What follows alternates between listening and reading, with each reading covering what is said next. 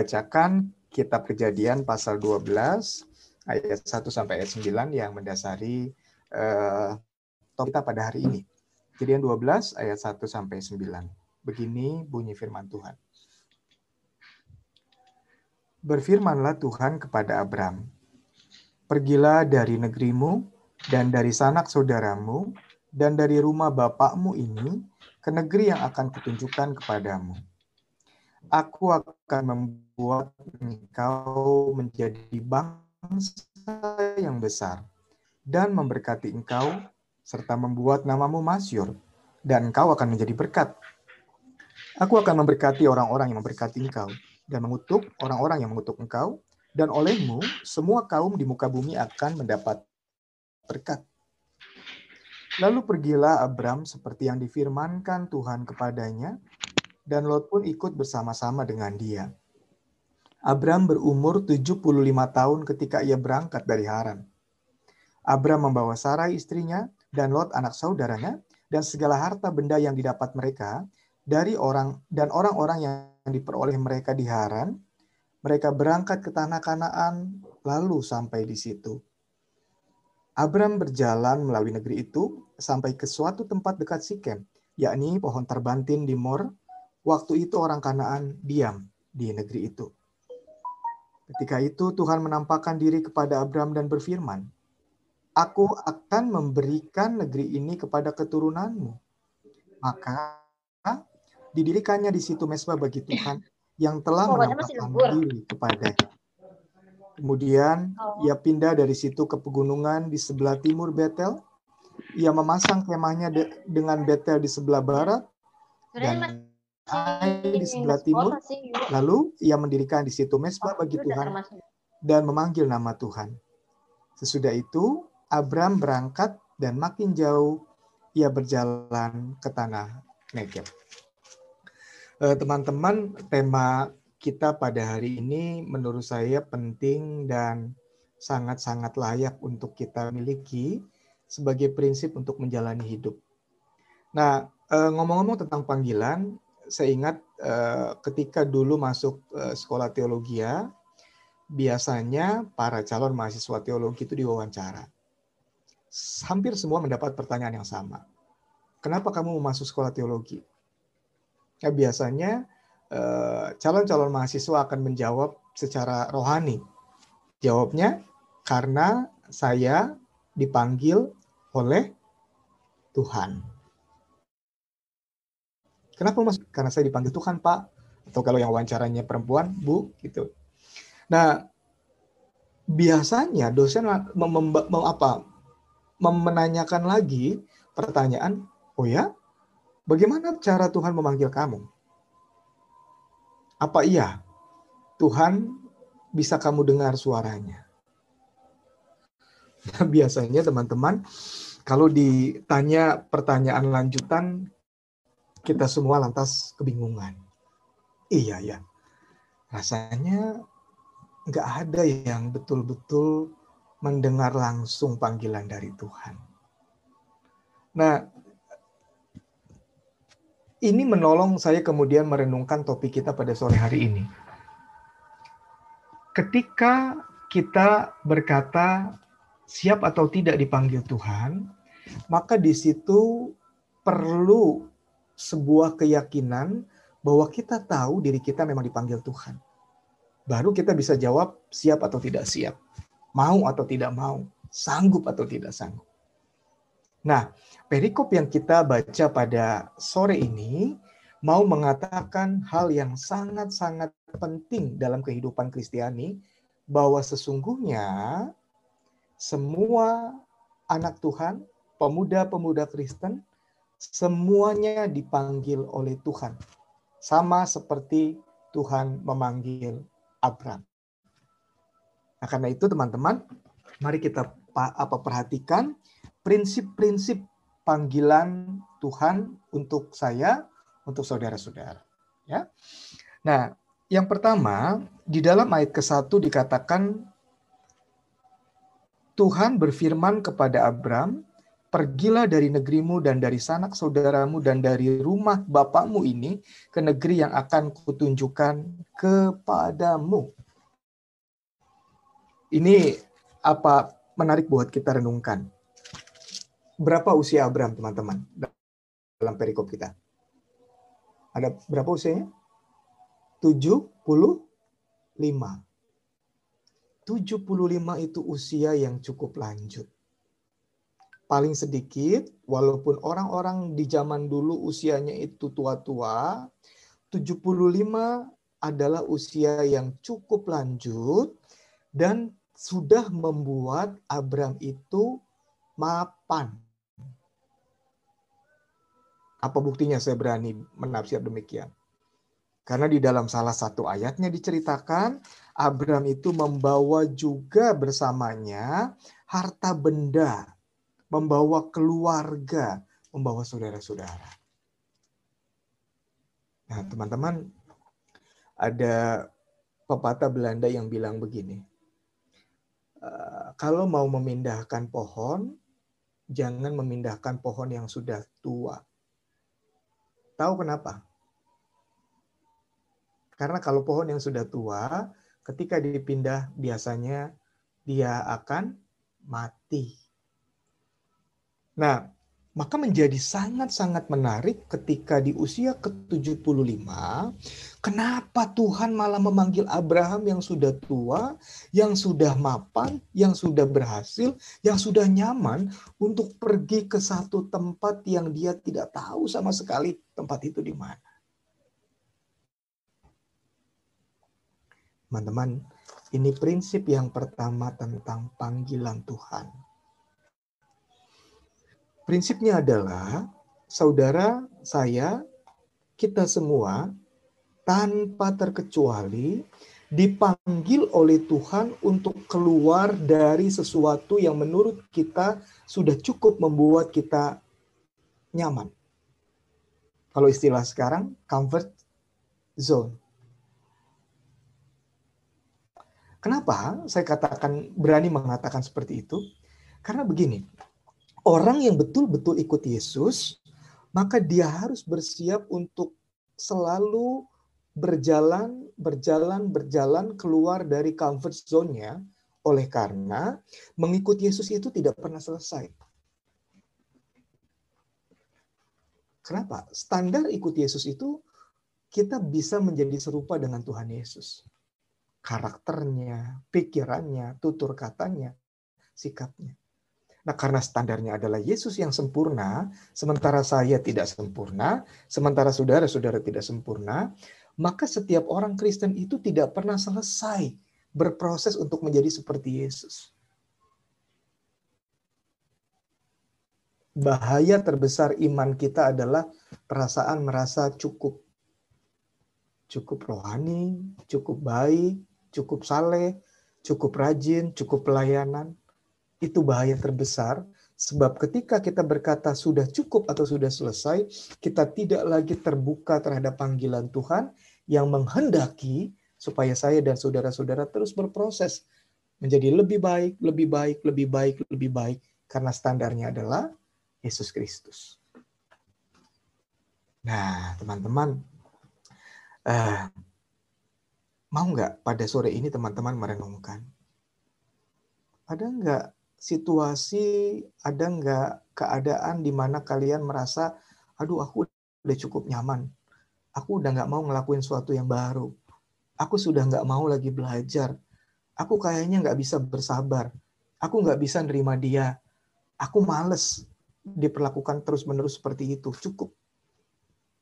Lalu kita tidak lagi sadar bahwa Tuhan memanggil kita supaya kita keluar dari situasi dari comfort zone.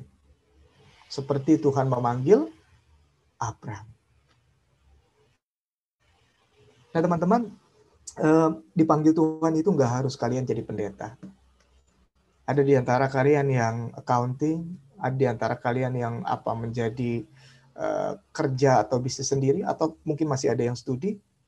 Tetaplah pada panggilanmu sebagai mahasiswa, entah uh, pekerja, entah pebisnis, apa pun itu nggak ada problem.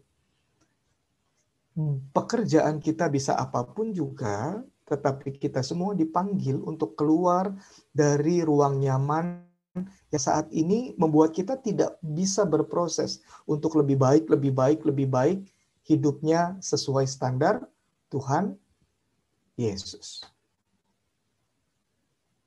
Nah, sore ini teman-teman diminta oleh Roh Kudus seperti lagu tadi untuk melihat ke kedalaman hati teman-teman. Ada nggak situasi yang membuat saya kayaknya nggak mau lagi belajar, nggak mau lagi lebih baik, nggak bisa keluar dari kemarahan, nggak mampu menjalani sesuatu yang sebetulnya gue tahu itu panggilan Tuhan, tapi berat gitu. Itu yang pertama. Ya, jadi panggilan Tuhan itu bukan selalu jadi hamba Tuhan, menjadi pendeta maksud saya, sebab semua profesi itu juga hamba Tuhan. Semua profesi bisa berfungsi seperti pendeta. Tetapi apa pun profesi saudara-saudara, saudara dan saya dipanggil untuk bisa keluar dari ruang nyaman untuk mencapai sesuatu yang Tuhan kehendaki. Apa itu? Nah ini yang Tuhan katakan di ayatnya yang kedua. Aku akan membuat engkau menjadi bangsa yang besar dan memberkati engkau, serta membuat namamu masyur, dan engkau akan menjadi berkat. Jadi teman-teman ada empat hal yang Tuhan katakan. Membuat engkau menjadi bangsa besar, memberkati engkau, membuat namamu masyur, dan engkau akan menjadi berkat. Tiga yang pertama ini untuk Abram menjadi bangsa yang besar. Coba bayangin, Grace akan menjadi pribadi yang besar. Ini kan soal ego kita, diri kita. Yang kedua juga sama, memberkati engkau. Tuhan akan memberkati Grace, Tuhan akan memberkati Mustika, Tuhan akan memberkati Yesus. Ini juga ego, buat kita maksudnya, ya. Namamu masyur, sama yang ketiga. Tetapi yang terakhir, engkau akan menjadi berkat. Ini untuk orang lain, bukan untuk diri kita sendiri. Nah, semua orang Kristen itu sebetulnya dipanggil sama seperti Tuhan memanggil Abraham. Tentu saja hanya ada satu Abraham dan tidak ada Abraham-Abraham lain. Karena hanya ada satu orang beriman yaitu Abraham yang dipanggil dalam kejadian pasal 12. Tetapi saudara dan saya sama-sama dipanggil Tuhan untuk keluar dari ruang nyaman dalam rangka ini ya janji Tuhan membuat kita menjadi bangsa yang besar. Kita diberkati, nama kita masyur. Nah, kalian ingat gak kalau uh, saya nggak tahu kalian ngalami nggak ya kalau uh, kondisi atau momen pasca pemilihan presiden selesai, presiden akan memilih kabinet menteri, biasanya itu orang menanti-nanti, kira-kira siapa yang dipilih ya? Lalu orang-orang yang potensial itu katanya nggak pernah matiin handphone karena nunggu ditelepon oleh presiden. Bisa nggak dibayangin? Yang panggil kita itu lebih besar dari Pak Presiden. Presiden segala presiden, raja segala raja, Tuhan segala Tuhan, pemilik alam semesta jadi ketika Tuhan memanggil kita, maka mestinya ada perasaan yang yang betul-betul membuat kita itu bangga, kagum, haru, penuh syukur, dan kita tahu dia nggak pernah salah pilih memanggil kita. Dipanggil untuk apa? Untuk besar, untuk menjadi masyur namanya, untuk diberkati. Tiga hal tadi. Nah, teman-teman, ini agak-agak akademis tetapi menurut saya penting. Ada seorang eh, yang menulis uh, pro, apa uh, ada seorang yang bernama Max Weber, dia menulis buku yang judulnya Protestant Ethics and Spirit of Capitalism. Etika Protestan dan Spirit Kapitalisme. Menurut Max Weber, negara-negara Eropa Barat seperti Jerman, Swiss, Prancis itu lebih makmur oleh karena masyarakatnya pada zaman itu percaya mereka itu dipilih Tuhan, diselamatkan Tuhan. Nah, karena mereka yakin diselamatkan Tuhan, Buktinya apa? Maka mereka bekerja lebih rajin, lebih disiplin, lebih jujur, lebih sungguh-sungguh. Sehingga kita jangan heran, jam tangan Swiss itu Eropa Barat terkenal sebagai jam tangan termahal karena dihasilkan oleh orang-orang yang bisa membuat jam handmade. Padahal kecil-kecil gitu ya, apa orna apa unsur komponen jam itu kecil tapi dilakukan dengan penuh cinta, dikerjakan dengan penuh cinta oleh karena orang ini percaya Allah dimuliakan lewat pekerjaannya karena dia sudah dipilih oleh Tuhan. Saya mau cerita, saya nggak bermaksud sombong. Waktu saya studi S2, saya sempat merasa salah pilih jurusan karena saya masuk internasional program di UGM yang semua dilaksanakan dalam bahasa Inggris dan Inggris saya itu kurang 15 atau 25 poin uh, TOEFL-nya. Jadi satu tahun pertama saya ikut intensif English, intensif akademik English. Saya sampai lelah, bingung karena mau ngomong nggak bisa bahasa Inggris, nulis dalam bahasa Inggris. Sempat saya malam-malam itu keluar mau cari makan gitu dari kos-kosan, saya naik motor. Lalu saya bicara dengan Tuhan gini ya kira-kira, Tuhan, saya udah nggak sanggup kuliah di sini, salah jurusan, Waktu itu juga saya ada pergumulan di gereja. Saya mau berhenti Tuhan setelah satu semester ini. Malam itu teman-teman, Tuhan nggak ngomong langsung ya, tapi saya merasa Tuhan sepertinya berkata, Darwin, loh, kamu kan studi sudah berdoa. Kamu nggak yakin aku berkuasa nolong kamu? Kamu nggak percaya kamu bisa studi dan bagus kalau kamu melibatkan aku. Malam itu saya nangis di motor. Saya nangis karena saya menyaksikan kuasa Tuhan yang sudah memanggil saya untuk studi saat itu. Dan tebak teman-teman. Saya lulus dengan IP 4 dan 10 angkatan, saya angkatan ke 10 di jurusan itu, saya nggak tahu ke bawah-bawah, cuma ada dua mahasiswa yang IP-nya 4. Satu yang sekarang jadi dosen dan satu saya. Bukan cuma itu. Saya dapat kesempatan uh, di Singapura, di NUS, untuk stay tiga bulan, research, didampingi oleh profesor internasional. Dan sebetulnya saya dikasih kesempatan satu semester untuk Amerika. Tapi saya nggak ambil, karena saya nggak ingin lama-lama studi. Nangkep maksudnya ya? Kalau teman-teman tahu diri teman-teman dipanggil oleh Tuhan yang punya kuasa, yang kasihnya sempurna, yang mampu melakukan segala-galanya, yang mencintai kalian apa adanya sampai wafat di kayu salib. Apa yang nggak bisa dia lakukan dalam hidupmu? Segala perkara dapat kutanggung di dalam dia yang memberi kekuatan kepadaku. Itu kata Paulus. Ya.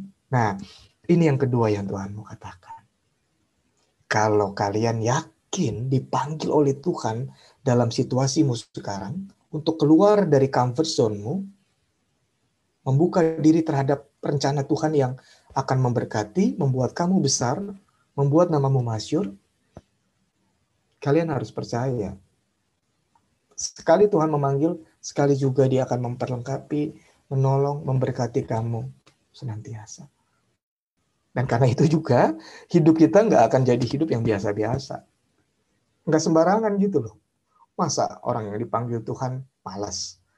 Masa orang yang dipanggil Tuhan nggak jujur? Masa orang yang dipanggil Tuhan gampang jatuh, nggak bangun lagi? Lah kan kamu punya Tuhan. Nah ini yang kedua yang Tuhan mau katakan. Kalian yakin nggak? Jadi Kristen itu bukan sekedar dibaptis, aktif di persekutuan, tapi nggak punya tujuan hidup. Bukan itu. Jadi Kristen itu kalian punya tujuan hidup karena Tuhan memanggilmu untuk menjadi besar, untuk menjadi masyur, untuk diberkati. Kita bukan orang sembarangan kira-kira. Jadi apa aja terserah. Tapi jadi apa pun kita, di situ kita akan memancarkan kuasa Tuhan yang sudah memanggil kita. Itu poinnya. Ya. Nah yang terakhir panggilannya apa? Setelah kalian di sadarkan bahwa kamu nggak pernah sendiri, kalian nggak pernah sendiri. Allah mengasihi, Allah berkuasa dalam hidupmu, kamu diberkati. Setelah itu kita menjadi berkat. Ya diberkati untuk memberkati. Be blessed to bless. Kalian panggilannya bukan untuk supaya tujuan hidup lu apa? Oh, gue mau kaya, gue mau traveling around the world, gue pengen enjoying life, bukan itu. Kalau itu tujuan hidupmu, nggak usah jadi orang Kristen. Menjadi Kristen berarti kita menjadi berkat. Dan untuk bisa menjadi berkat, maka kalian harus lebih dulu menerima berkat dari Allah, terbuka terhadap berkat Allah, dan bersedia diberkati oleh Allah, dipimpin oleh Allah. Sehingga hidup kita bisa jadi berkat. Dalam pekerjaan, kita bisa kasih teladan, rajin, tanggung jawab, disiplin, misalnya. itu berkat. Nah, teman-teman, yang menarik, setelah mendengar janji Tuhan yang memanggil Abraham dan akan memberkati Abraham, apa yang dilakukan Abraham? Tahu nggak? Di dalam ayat keempat dikatakan, Lalu pergilah Abraham seperti yang difirmankan Tuhan kepadanya. Padahal usianya 75. Pergi, pergi. Nah, kalian kan sering dengar ya, kalau pas kebaktian Alkitab selesai dibacakan, pelayan firman atau pendeta itu bilang apa biasanya? Berbahagialah orang yang memelihara firman Tuhan atau mendengar dan melakukan. Nah, Abraham mendengar panggilan Tuhan, percaya panggilan Tuhan, tapi nggak cuma mendengar. Dia melakukan.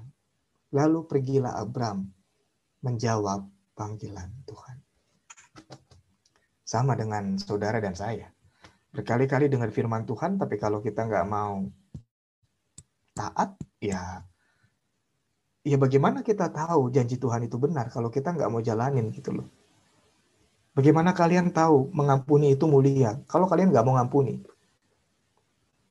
Bagaimana kalian mengerti kalian itu dipilih Tuhan dan istimewa? Kalau kalian nggak pernah mengatakan kepada diri sendiri, yes, saya istimewa di mata Tuhan. Abraham taat. Nah ini yang ketiga. Mau nggak kalian mengamini panggilan Tuhan dalam situasimu, apa pun itu. Dalam keadaanmu, seberat apa pun pergumulanmu hari ini. Amin. Aku percaya janjimu, aku mau menjalani itu, aku mau mentaatinya Tuhan. Walaupun berat. Bayangin Abraham 75 tahun pindah gitu ke satu negeri yang dia nggak ngerti, satu tempat yang dia nggak tahu. Terakhir, dalam perjalanan ketika Abraham taat, Abraham di dalam ayat ketujuh dikuatkan dalam perjalanannya karena Tuhan berfirman. Di ayat ketujuh dikatakan, ketika itu Tuhan menampakkan diri kepada Abraham dan berfirman, aku akan memberikan negeri ini kepada keturunanmu. Maka di situ Abraham mendirikan mesbah bagi Tuhan. Yang keempat itu begini artinya. Waktu dia sudah taat, Tuhan membuktikan janjinya itu iya dan amin. Dia bisa dipercaya. Maka ketika Abraham berjalan ke satu negeri yang dia tidak ketahui, Tuhan menampakkan diri dan bilang, Abram, negeri ini engkau akan miliki. Lalu Abram bersyukur. Nah teman-teman, dalam kesediaan untuk taat kepada Tuhan, teman-teman bisa saja mengalami putus asa. Aduh kok Tuhan, ngikut Tuhan berat banget ya. Aku udah gak kuat.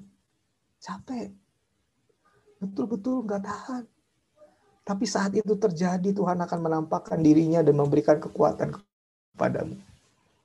Saat engkau merasa tidak sanggup, maka saat itu Tuhan akan menunjukkan kuasanya kepadamu sehingga engkau kembali melangkah seperti Abraham.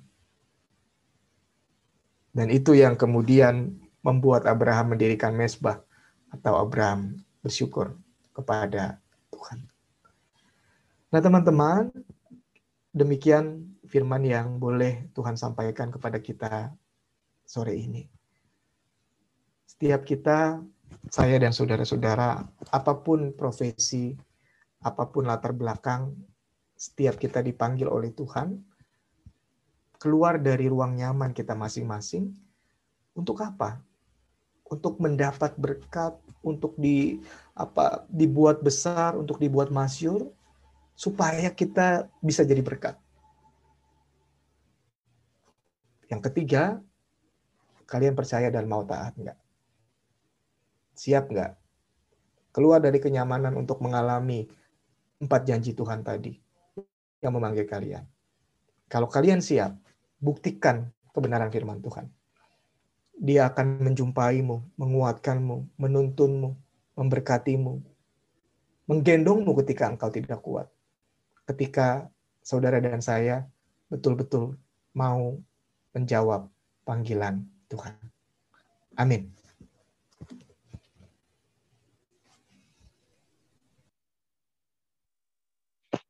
Terima kasih Pendeta Darwin atas uh, firman yang telah dibagikan kepada uh, kami semua. Teman-teman ada yang mau nanya mengenai panggilan? Karena sebenarnya uh, mungkin ini mungkin Pak Darwin mengemas dengan begitu uh, mudah dimengerti dan begitu on point, tapi mungkin teman-teman dalam perjalanan menjalani apa yang dikatakan Pak Darwin itu punya struggle gitu karena ini semua proses banget ya mungkin kita dengar nih sekarang dan mungkin kita berkomitmen untuk lakukan tapi tidak selamanya itu perjalanan mulus gitu jadi mungkin teman-teman ada yang mau sharing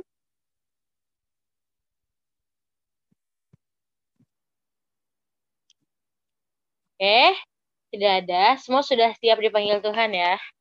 Semua sudah siap melakukan empat poin yang di-share sama Pak Darwin ya. Pak, saya mau nanya. Saya aja deh yang nanya kalau gitu. Hmm, uh, gimana kalau misalnya kita ragu sama diri kita, tapi itu merupakan konsekuensi logis dari perjalanan hidup kita. Gitu. Misalnya, hmm, kayak uh, meskipun kita udah punya nih ada ada kerinduan dalam hati untuk melakukan A gitu tapi secara logis kayak kita udah mikirnya gini kita udah terlalu kalah jauh jadi bukan yang gue nggak percaya Tuhan tapi kayak emang dari segi strategi hidup itu uh, udah terlalu ketinggalan nih gitu. Nah pertanyaan aku uh, pertama sih sebenarnya kayak uh, apakah itu juga termasuk tidak percaya pada Tuhan? Yang kedua uh, ya gimana pun perjalanan 25 tahun kan itu nggak nggak pendek ya untuk uh, seorang manusia gitu gitu. Jadi ada orang yang udah start dari awal banget sehingga startnya udah matang gitu. Tapi uh, mungkin kita yang selama ini belum dengan bijak menggunakan waktu kita tapi uh, kerinduan itu tuh ada gitu. Hmm, hmm. nah apa yang harus kita pikirkan? Eh maksudnya gimana ya Pak cara mengetahui bahwa sebenarnya uh, itu ego lo aja sebenarnya yang main pengen gini gini gini atau sebenarnya itu memang panggilan yang harus kita ikutin gitu. Hmm, hmm. Semoga saya bisa menjelaskan dengan Oke, okay. ya, ya, ya uh, pertanyaanmu bagus dan saya percaya itu juga jadi pertanyaan buat banyak kita ya soal-soal seperti tadi. Nah, hmm, menurut menurutku begini, Grace. Hidup di dalam Tuhan itu sebenarnya bukan soal menang kalah, kompetisi dengan yang lain. Bukan. Hidup sama Tuhan itu adalah keterbukaan kita untuk mengalami, menyelami betapa luas, lebar dalam kasih Tuhan.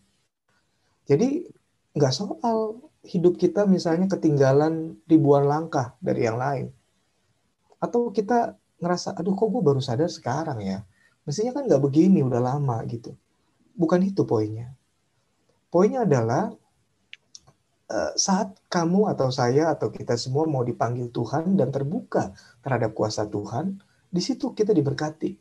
Dan di situ kita bisa menjadi berkat.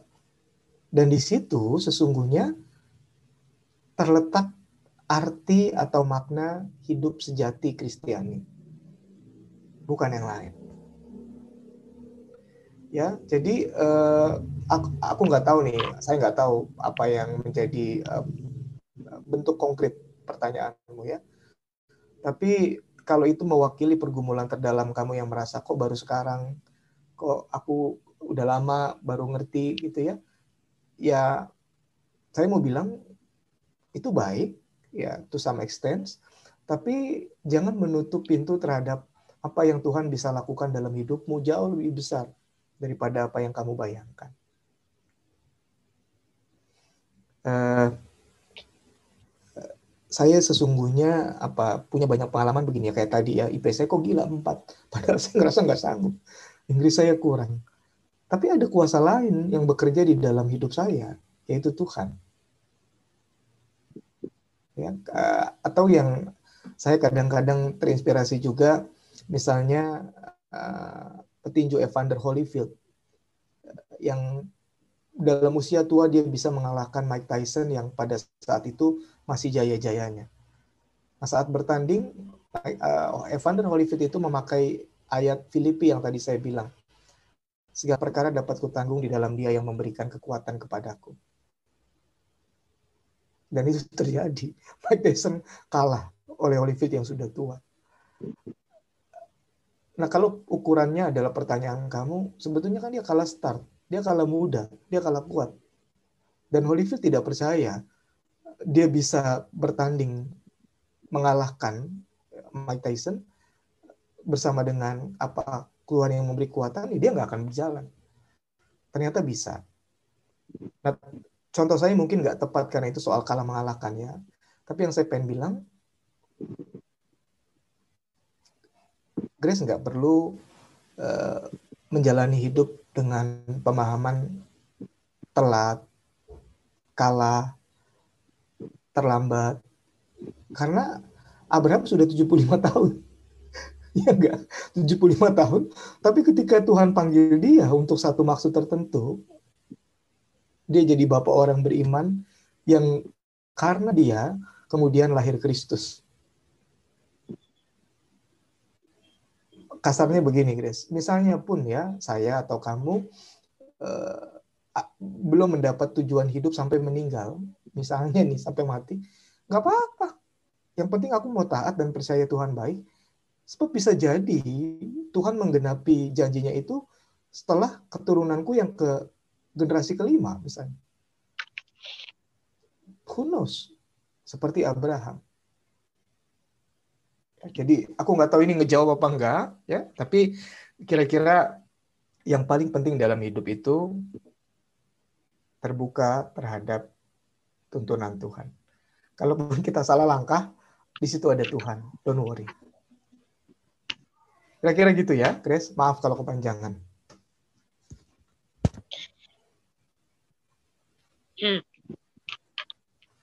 Terima kasih Kak atas jawabannya. Eh, dan tidak perlu minta maaf karena kepanjangan. Eh, uh, saya memang mempunyai gelar uh, manusia paling cengeng di Kai Cawang, jadi tolong dimaklumi aja kak. Oke. Okay. Eh, Pak, sorry. Oke, okay, uh, aku juga mau menanyakan sesuatu lagi ya Pak. Sebentar. Uh, baca dulu ya. Um, Kak,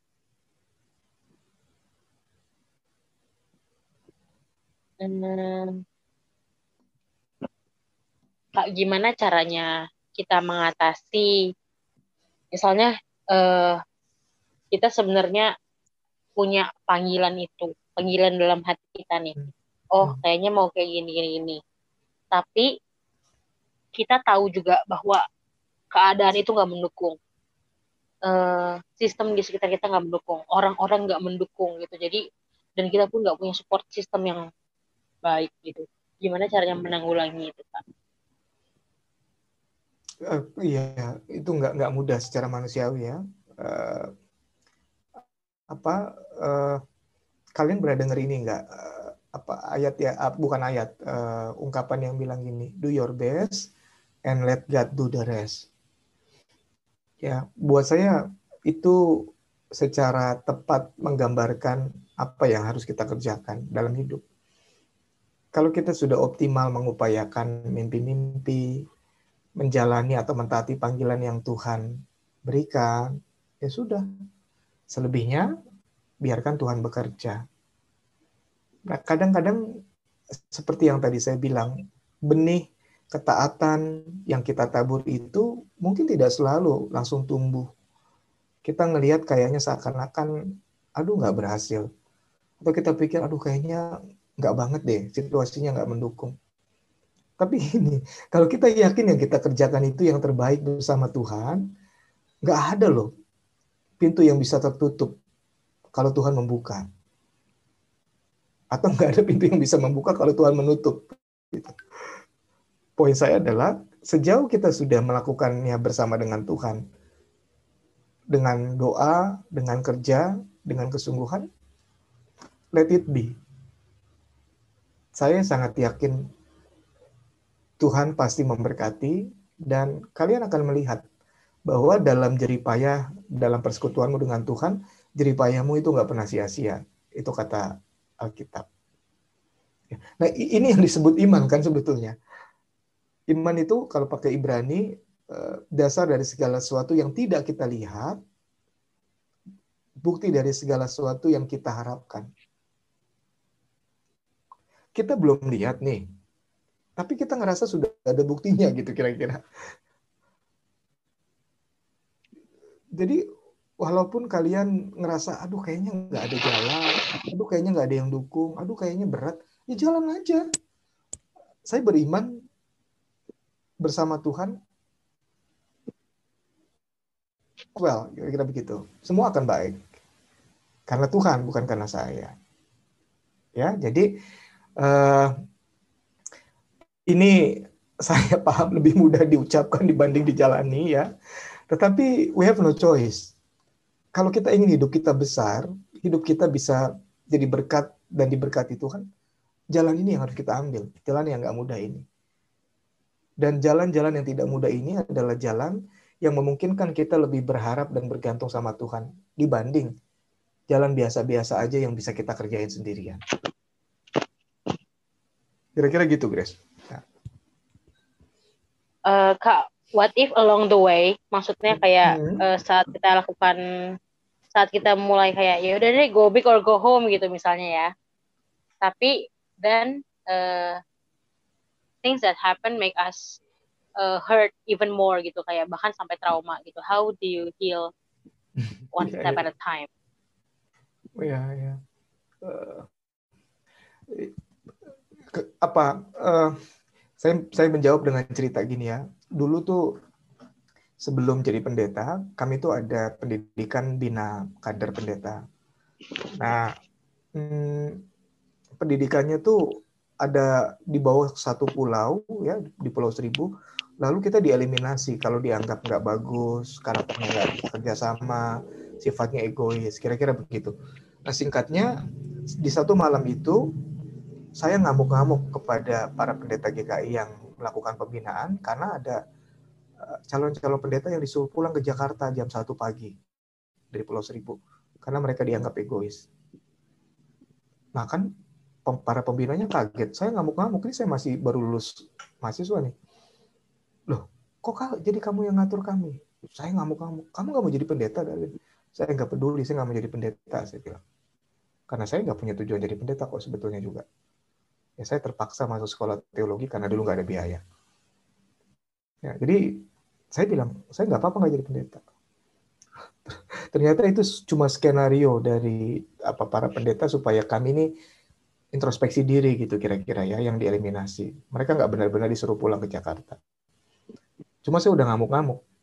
Akhirnya saya dibentak, kamu percaya kami, kami pendeta nggak akan mencelakai. Saya takut jadi itu. Nah, setelah itu saya menyendiri, saya merenung kenapa saya reaktif ngamuk-ngamuk gitu ke pendeta-pendeta yang baik. Eh, malam-malam itu ada satu pendeta datang. Ya jam-jam 2 pagi kali ya. Dia bilang, Darwin, sorry ya, kamu marah gara-gara peristiwa ini kamu marah. Saya kan jadi malu dong. Saya ngamuk-ngamuk ke mereka, tapi satu pendeta yang minta maaf. Sudah, tapi saya melihat saya punya kecenderungan tuh kalau ada yang diperlakukan tidak adil saya gampang berontak gitu loh karena rupanya di masa lalu saya saya banyak diperlakukan seperti itu saya orang Tionghoa tinggal di daerah Tanjung Priuk Jakarta dan sering jadi sasaran bully macam-macam lah Jadi saya peka untuk yang begitu-begitu. Ya, udah hilang ya. Singkatnya saya jadi pendeta, sudah tahun ke-13 saya dipanggil oleh sinode. Sinode bilang, ada kesempatan studi ke Amerika dan kamu yang denominasikan. Loh kenapa saya Pak? Karena kamu peduli dengan teman. Which is sebetulnya saya nggak peduli gitu. Itu terjadi karena saya tuh dulu banyak mengalami trauma ya digituin orang saya nggak pengen orang digituin lagi gitu. ini bicara soal trauma ya something very bad ya tapi ternyata ketika saya bisa jalani itu bersama dengan Tuhan saya yakin gini Chris Allah ikut bekerja dalam segala sesuatu untuk mendatangkan kebaikan kamu bisa diperlakukan orang tidak baik kamu bisa mengalami trauma kamu bisa dipermalukan orang kamu bisa gagal tapi kalau kamu semua taruh itu di dalam kasih Tuhan, jalan bersama Tuhan, Tuhan bisa rubah hal buruk itu untuk satu yang baik gitu. Tuhan bisa ganti hal yang negatif itu menjadi sesuatu yang positif. Kalau dalam kasus saya, saya diberikan kesempatan studi ke Amerika. Walaupun waktu itu saya nggak ambil. Saya hanya jadi studi ke UGM. Ya, jadi poin hidup beriman itu sebetulnya kan gini, teman-teman. Seberapa yakin sih kita yakin Tuhan itu baik dalam segala keadaan termasuk yang trauma-trauma. Bisa jadi kita salah, bisa jadi orang lain membuat kita kecewa. Tapi nggak apa-apa jalan aja. Karena kita tahu di situ ada Tuhan gitu yang memanggil Abraham, memanggil Chris, memanggil saya, memanggil Mustika, memanggil Jesus dan teman-teman semua. Ya, kira-kira gitu, Grace.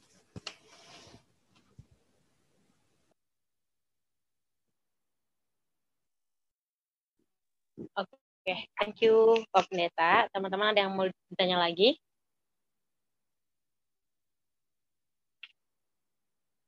Oke, kalau nggak ada, uh, puji Tuhan, uh, saya sungguh merasa terberkati uh, sama firman hari ini. Makasih Pak Pendeta. Eh, teman-teman, uh, kita hari ini uh, seperti yang tadi aku bilang ya, ini uh, sungguh terdengar sangat um, apa ya, prinsipal. Hai, Ica, yes, Kak Ica, mau nanya? Silakan, iya, Kak Ica. Oke. Okay. Uh, proses kita untuk bisa nerima itu gimana caranya ya? Yang tadi Pak Pendeta jelasin. Thank you. Nerima apa nih, Cak? Nerima apa boleh jelasin nggak maksudnya? Uh, yang tadi itu loh Pak Pendeta apa? Uh, nggak bisa bersikap uh, apa namanya karena nggak diperlakukan nggak adil. Hmm, Ya, itu ya, Cak, kalau dalam kasus saya, dan saya percaya Tuhan melakukan karyanya secara unik buat tiap-tiap orang, karena tiap orang berbeda uh, sifatnya, kecenderungannya, dan seterusnya. Maka dia pasti melakukan treatment yang berbeda. Karena itu kesaksian saya nggak boleh dimutlakan, pasti berlaku juga buat orang lain. ya. Tapi yang saya alami begini, hal-hal yang betul-betul membuat saya trauma dan nggak bersyukur dengan hidup saya, ternyata itu malah menjadi kebaikan. Ketika saya melihat, loh, loh, loh. Eh, contohnya ya, mungkin ini bisa lebih konkret. Gara-gara saya sering dibully, saya miskin, saya pendek, eh, saya merasa banyak hal di masa kecil itu saya kecewa karena nggak bisa dapat apa yang saya mau seperti anak-anak lain. Tapi itu yang malah kalau saya renungkan, loh, gara-gara itu kan kemudian saya akhirnya jadi masuk teologi ya. Dan gara-gara itu kan kemudian saya masuk pendeta. Loh, gara-gara itu kan yang membuat saya minder. Saya ini orang minderan, teman-teman. Tapi kalau udah ngomong begini, udah lupa mindernya. Awal-awal saya minder, takut ngomong, takut salah. ya. Gara-gara itu, kemudian orang menganggap saya rendah hati. Lah, padahal kan nggak begitu. Saya sebetulnya nggak seperti yang orang pikir. Saya minder gitu. Jadi saya nggak pernah apa mau turut campur urusan orang berlebihan gitu kalau bukan urusan saya atau saya ya cenderung dia ngalahan dan seterusnya. Padahal minder. Tapi itu ditangkap di jemaat saya rendah hati. Nah itu kan menolong saya memaknai eh iya ya. Something very bad menurut saya ternyata bisa dipakai Tuhan untuk kebaikan untuk hidup saya yang bisa jadi berkat sekarang saya sekarang nggak pegang jemaat, tapi di sinode sebagai sekretaris satu full timer. Ada tiga orang ketua umum, sekum sama saya full timer di sinode. Ya saya juga ngerti kenapa saya dipilih jadi sekretaris satu gitu. Padahal ada yang lebih cocok menurut saya, lebih mampu, lebih senior dan seterusnya macam-macam. Tapi ya ya nggak tahu ya gitu Tuhan kok pakainya saya yang sebetulnya saya ngerasa nggak layak, nggak pas gitu, Cak. Nah, jadi bagaimana saya bisa berdamai dengan situasi di mana saya direndahkan, dipermalukan di masa lalu? Itu alami ketika saya melihat, eh iya ya, kalau aku terbuka, kalau gue terbuka sama karya Tuhan, suatu yang jelek itu ternyata bisa baik loh. Gitu. Nah itu iman dan nggak ada rumus matematikanya begini-gini polanya gitu, Cak. Yang penting kalau Ica misalnya punya pengalaman itu atau kalau teman-teman punya pengalaman itu, mau nggak persembahkan kepahitanmu, persembahkan kecewamu, persembahkan kegagalanmu kepada Tuhan supaya itu bisa dipakai untuk memuliakan Tuhan. That's the point. Kira-kira gitu, Cak. Oke, okay, thank you, Kak. Ya, ya. Ya, kasih. Teman-teman ada lagi yang mau bertanya? Eh, kata Pak Darwin, Pak Darwin masih punya waktu sampai jam 9. Silakan teman-teman. Oke, nggak ada. Oke. Untuk ketiga kalinya, saya akan bilang kalau misalnya saya bersyukur dan sangat terberkati dengan firman hari ini, termasuk sesi tanya jawab kita. Eh, teman-teman, uh, apa namanya mengetahui panggilan Tuhan itu uh, bener sih. Waktu itu saya juga pernah sharing sama uh, senior saya.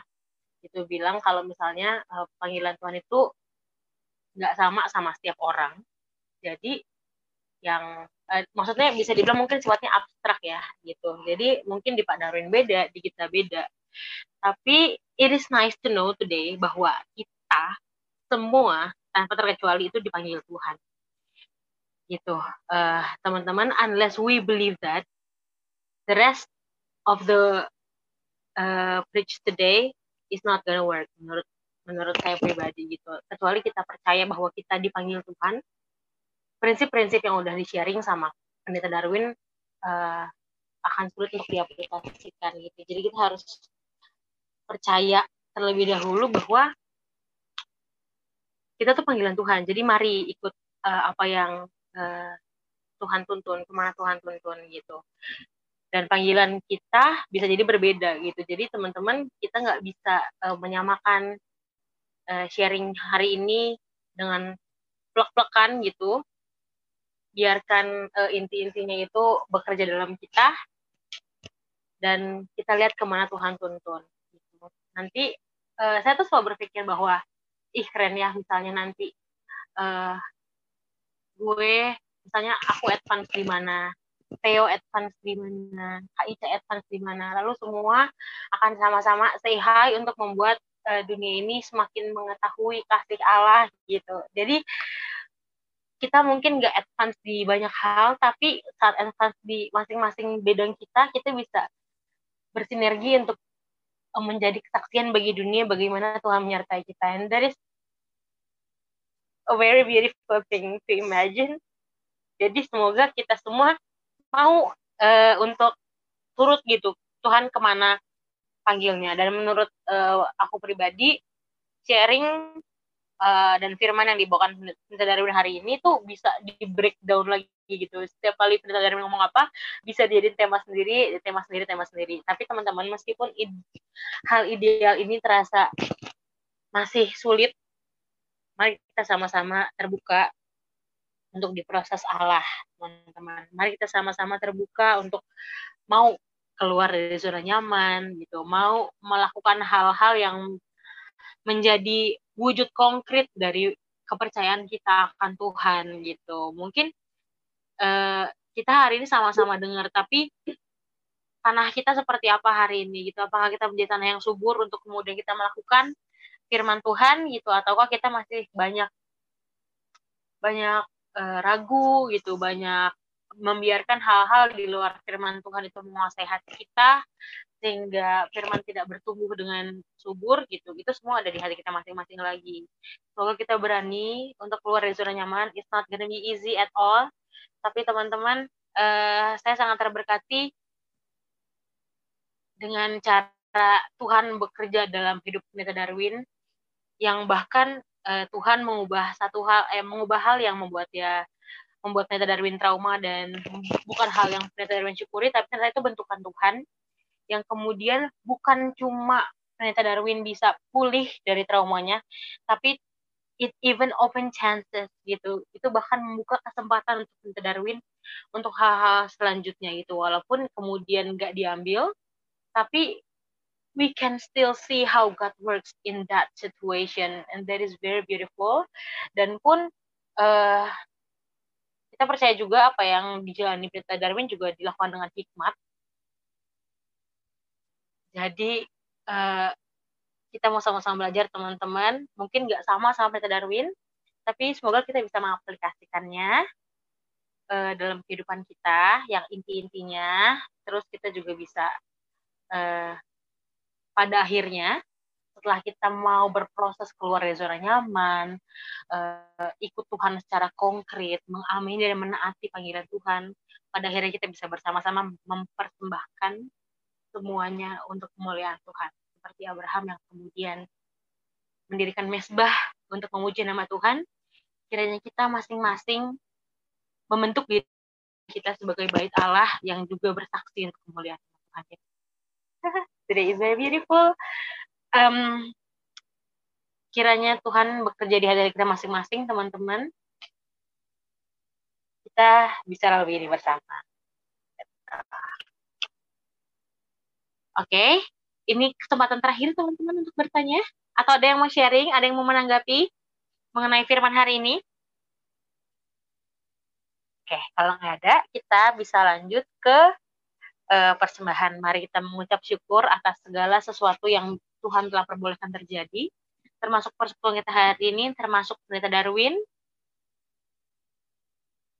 Terima kasih Tuhan Yesus, luar biasa penyertaan Allah. Kita akan memberikan persembahan